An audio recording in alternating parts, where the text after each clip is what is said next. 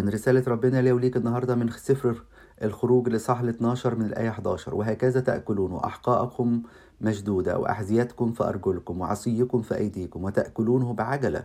هو فصح للرب. ربنا هنا بيقول للشعب طريقة أكل الفصح ولو أي حد فينا دخل بيت أي حد وشاف شافه بالمنظر ده أحقائه مشدودة ولابس حذائه والعصاية في إيديه وبياكل بسرعة نقول له أنت بتعمل كده ليه؟ يقول لك أصل أنا مسافر.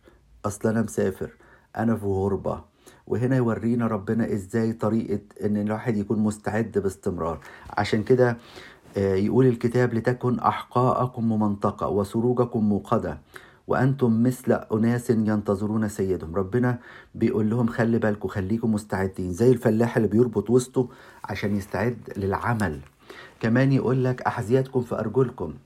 طريقة الاستعداد إن هو زي ما بيقول الكتاب حازين أرجلكم بإنجيل السلام. يعني تمشي في الغربة بتاعتك ديك وتستعد بالوصايا بتاعت ربنا. وكمان يقول لهم عصيكم في أيديكم.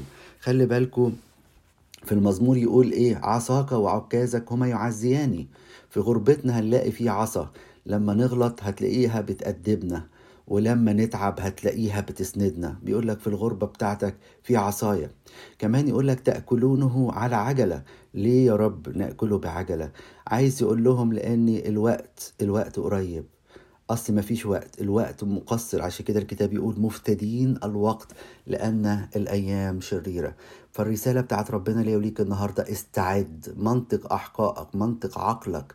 استعد بإنجيل المسيح ووصيته استعد بالعصا واستحمل التأديب من أجل خلاصك. استعد بسرعة لأن الوقت قريب. ربنا يكون معانا. بشفاعة أم العذراء مريم. أمين.